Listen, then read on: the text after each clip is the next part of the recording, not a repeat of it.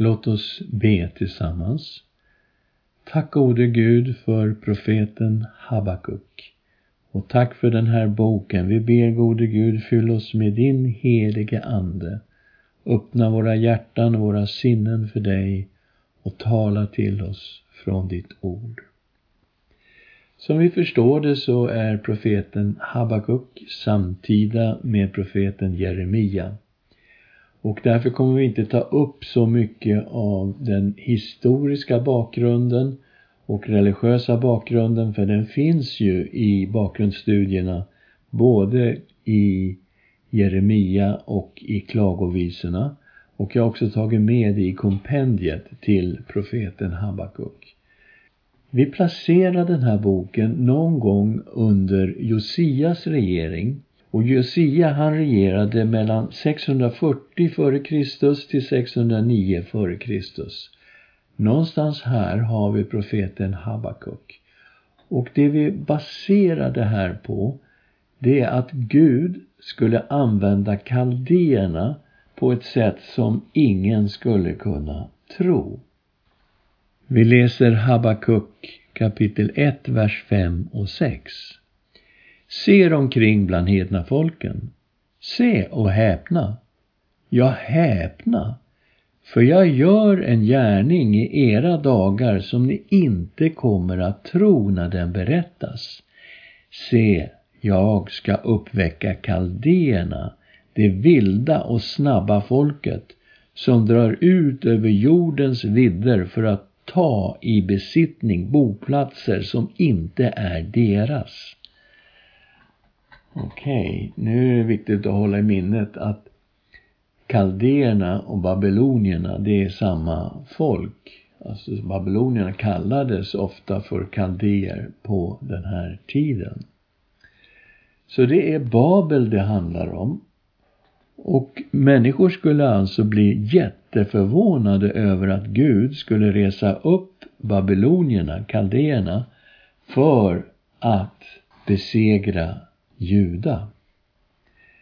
Och det här innebär ju att de fortfarande inte var en stormakt, för annars skulle det inte väcka en sån förvåning.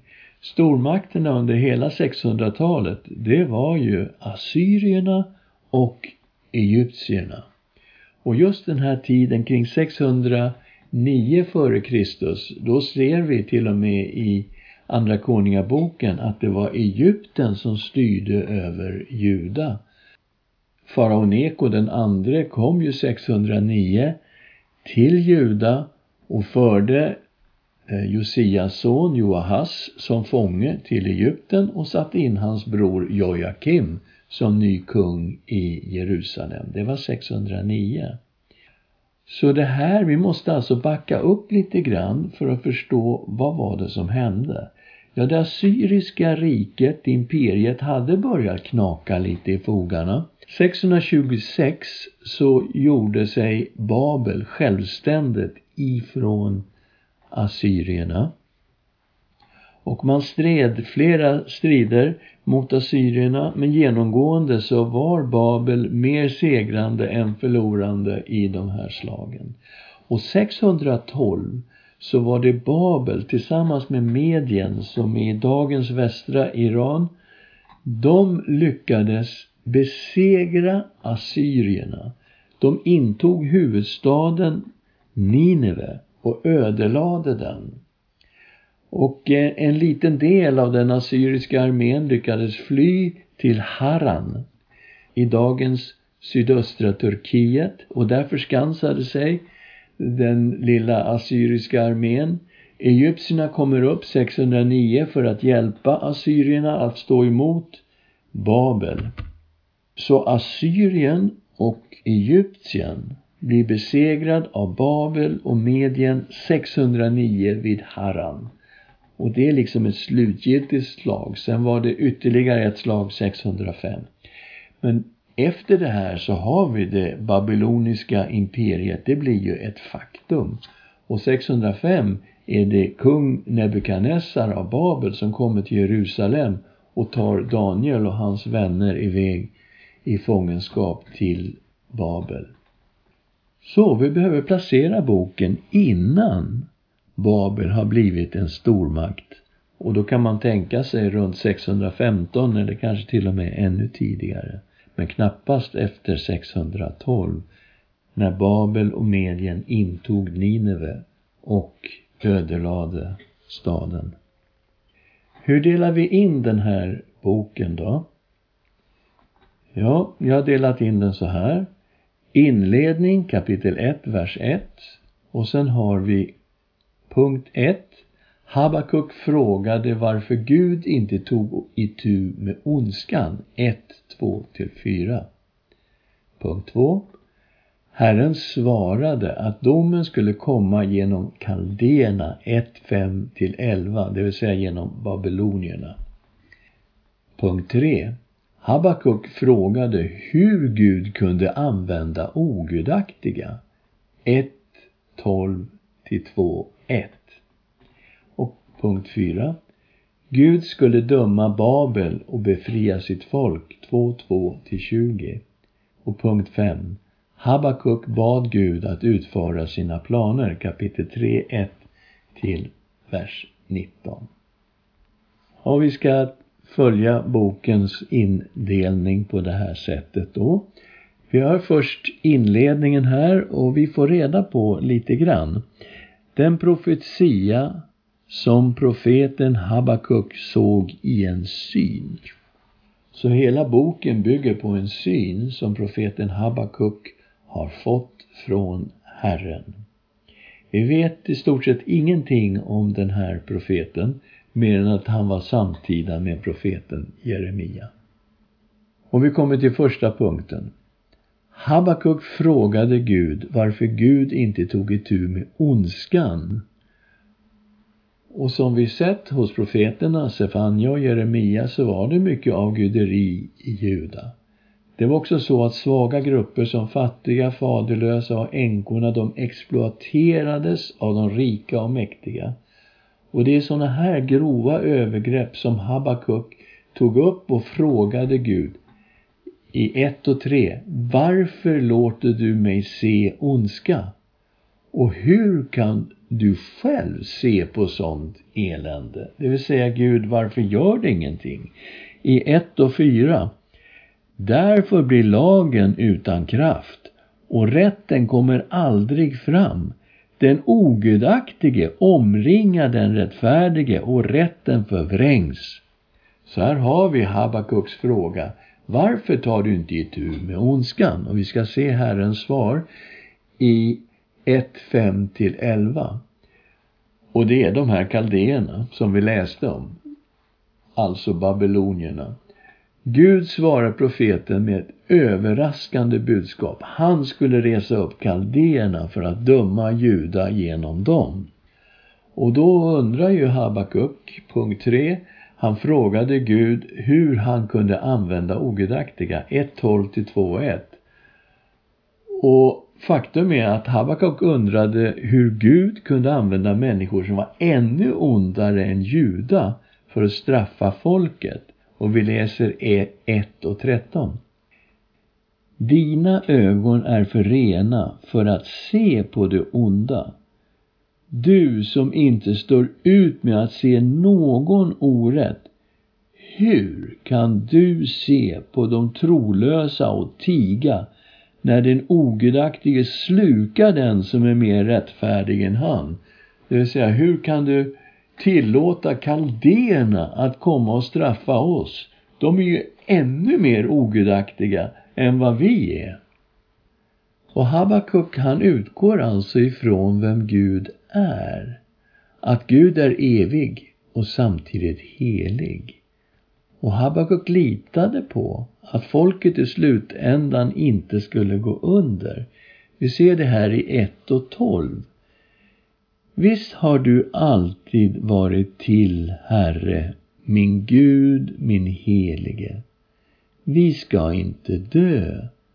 Herre, till en dom har du satt dem, till en tillrättavisning har du berett dem, du vår klippa. Okej, okay, kaldéerna skulle komma, de skulle vara en dom för Juda. Men han vet ju också, vi ska inte dö och han visste vem Gud är. Du är min Gud, du som alltid har varit till. Du är den helige. Och Habakuk inväntade Herrens svar med stor spänning. Vi ser det i 2 och 1. Jag ska stå på min vaktpost och ställa mig i tornet. Jag vill spana för att se. Vad ska han tala till mig? Vilket svar ska jag få på min klagan? Och vad var hans klagan? Hur kan du använda människor som är ännu ondare än oss till att straffa oss? Och vi kommer till punkt 4. Gud skulle döma Babel för att befria sitt folk. 2.2 till vers 20. Och Gud uppmanade här Habakuk att skriva ner synen så att den skulle bevaras eftersom det skulle ta tid innan den uppfylldes. Vi ser det här i 2, 2 och 3. Herren svarade mig och sa, skriv ner synen och gör den tydlig på tavlor så att den lätt kan läsas. För synen väntar ännu på sin tid. Han skyndar mot slutet och sviker inte. Om man dröjer så vänta på honom. För han kommer helt visst, han uteblir inte. Så det kommer att ta tid innan Herren skulle döma Babel, han skulle döma kaldéerna. Och Gud skulle döma Babel på grund av all högmod, all synd och skuld som Babel hade samlat på sig. Och i den här texten möter vi ett antal verop över Babel. Vi vet att Gud slutgiltigt verkställde domen över Babel 539 f.Kr. när perser och meder besegrade Babel och Juda fick återvända till sitt land. Men mitt i den här situationen som Habakuk befann sig i och under hela den tid som syden täckte så skulle de troende fokusera på Herren och hans löfte. Kapitel 2, vers 4. Men den rättfärdige ska leva genom sin tro. Det var det som de troende skulle fokusera på. Herren och hans löften. Och kontrasten mellan Babels ondska och visionen av Herrens framtida frälsning, den var total. I 2.14 läser vi så här. Jorden ska fyllas av kunskap om Herrens härlighet så som vattnet täcker havets djup. Och vi vet att den slutgiltiga uppfyllelsen av de här löftena, den kom med Jesus Kristus. Vi ska titta på det lite senare. Och vi kommer till det tredje och sista kapitlet. Och vi ser att Habakuk bad Gud att utföra sina planer. 3.1 till 19. Det tredje kapitlet det består av en psalm och det kan vi se i början av kapitel 3 och i slutet. Så här står det i första versen. En bön av profeten Habakuk till Shigionot. Och sista versen har vi så här. För sångmästaren med stränga spel. Så helt klart är detta en psalm som var tänkt att sjungas. Och Habakuk hade nu fått svar på sina frågor. Han hade förstått att Guds planer sträckte sig långt in i framtiden. Han hade förstått att det han visste om Gud verkligen stämde. Gud var den evige och den helige som skulle frälsa sitt folk, som vi läste om i 1 och 12. Han hade också förstått att han skulle under den här tiden leva med Gud av tro, som vi läste i 2 och 4. Han hade förstått att Gud hade också en vision för hela världen. För en dag skulle hela jorden fyllas av kunskapen om Guds härlighet. Och när han förstått allt det här, då brister han ut i bön och lovsång, säger i 3 och 2, Herre, jag har hört budskapet om dig och jag bävar. Herre, ge liv åt ditt verk i våra dagar. Låt det bli känt i vår tid. Tänk i din vrede på att förbarma dig. Så han ber Gud, okej, okay, jag vet nu om dina planer, låt dem få komma. Och vi möter här Habakuk som lovsjung Guds härlighet som visade sig i skapelsen. Men han lovsjöng också Guds domar över folken och Judas framtida frälsning. Och det här är ju i enlighet med bokens budskap. Vi ska läsa 3, 12 och 13. I raseri går du fram över jorden. I vrede trampar du ner hedna folken. Du drar ut för att frälsa ditt folk, för att frälsa din smorde. Du krossar taket på den gudlöses hus.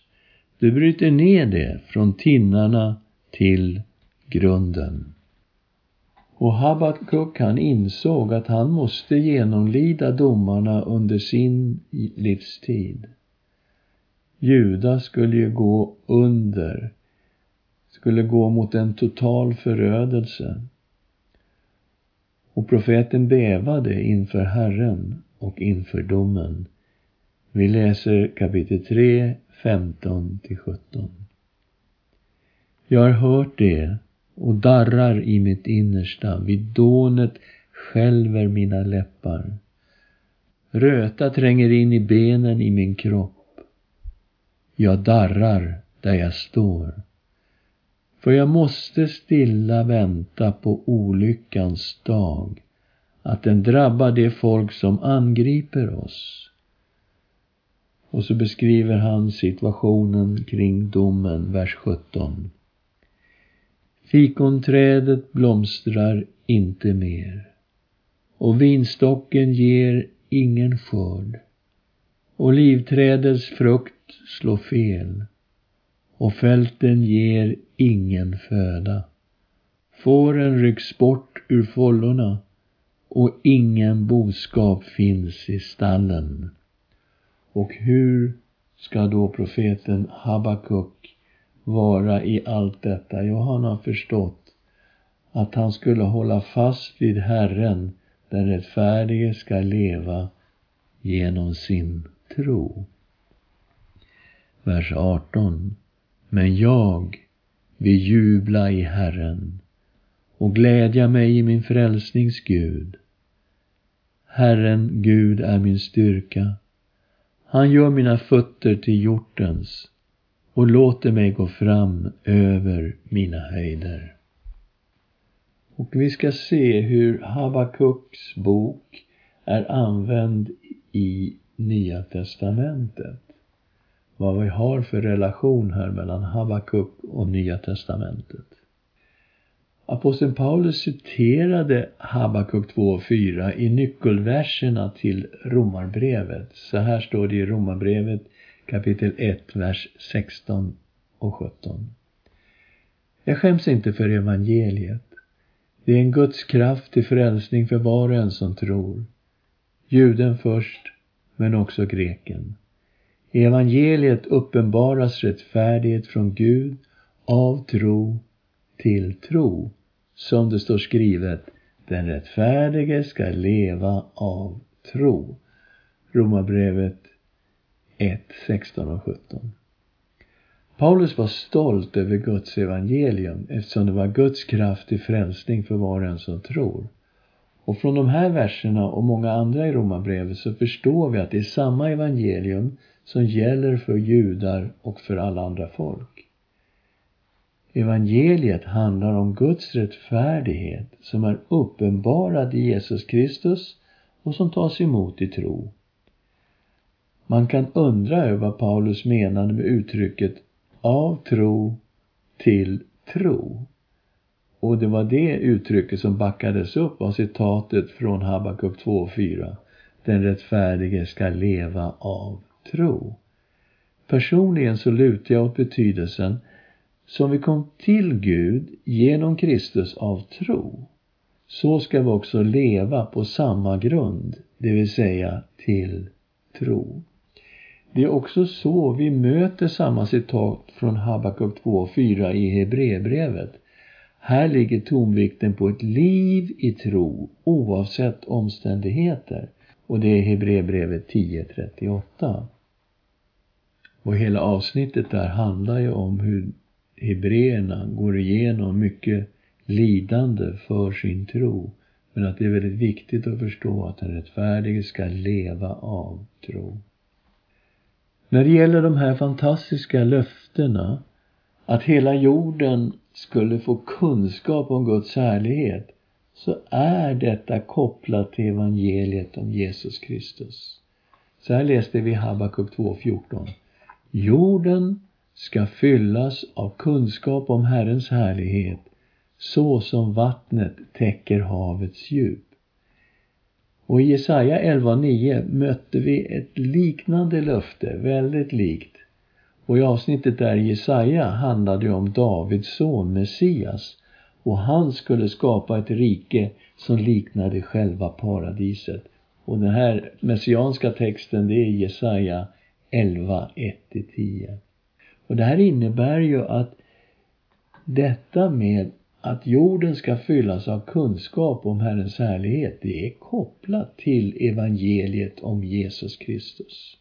Och när vi kommer till Nya Testamentet så ser vi att evangeliet handlar om Guds härlighet i Jesus Kristus. Samtidigt som Johannes talade om Gud som blev människa i Jesus Kristus så talade han också om att han såg Guds härlighet i Jesus. Johannes 1 och 14. Och ordet blev kött och bodde bland oss. Och vi såg hans härlighet. Den härlighet som den enfödde har från Fadern. Och han var full av nåd och sanning. Så Johannes säger, vi såg Guds härlighet uppenbarad i Jesus Kristus. Aposteln Paulus talade om Guds härlighet som strålar fram i Kristi ansikte. Andra Korinthierbrevet 4 och 6. Gud som sa Ljus ska lysa ur mörkret. Han har lyst upp våra hjärtan för att kunskapen om Guds härlighet som strålar från Kristi ansikte ska sprida sitt ljus. Okej, okay. Så Guds härlighet är uppenbarad i Jesus Kristus och strålar ut ifrån Kristus. Och han till och med kallade sitt evangelium för evangeliet om Kristi härlighet. Han som är Guds avbild. Andra Korinthierbrevet 4 och 4. Och det här innebär ju att när evangeliet om Jesus Kristus proklameras i världen så uppfylls jorden av kunskapen om Guds härlighet. Vi ser alltså detta inför våra ögon. Men en dag ska Jesus komma tillbaka och då har vi fullheten av löftena hos Jesaja och Habakuk. Men tills den dagen så är det det här som gäller för oss troende. Men den rättfärdige ska leva genom sin tro. Habakuk 2 och 4. Låt oss be tillsammans. Tack Herre för Habakuks bok. Och tack Herre för de fantastiska löftena som finns där.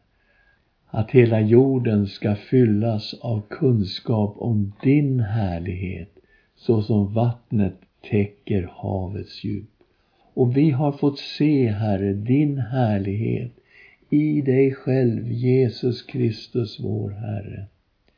Och vi ber att ditt evangelium ska spridas över hela vår jord. Men tack Herre att du en dag ska komma tillbaka och upprätta ditt rike och då ska vi se fullheten av dessa fantastiska löften som vi har mött här i Jesaja och profeten Habakuk. Och till den dagen, Herre, Hjälp oss att hålla ut och vara medvetna om att den rättfärdige ska leva genom sin tro. I Jesu Kristi namn. Amen.